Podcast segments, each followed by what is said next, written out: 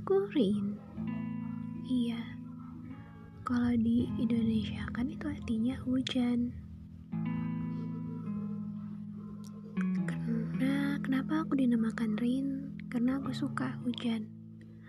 Hujan itu bisa mengartikan arti hatiku.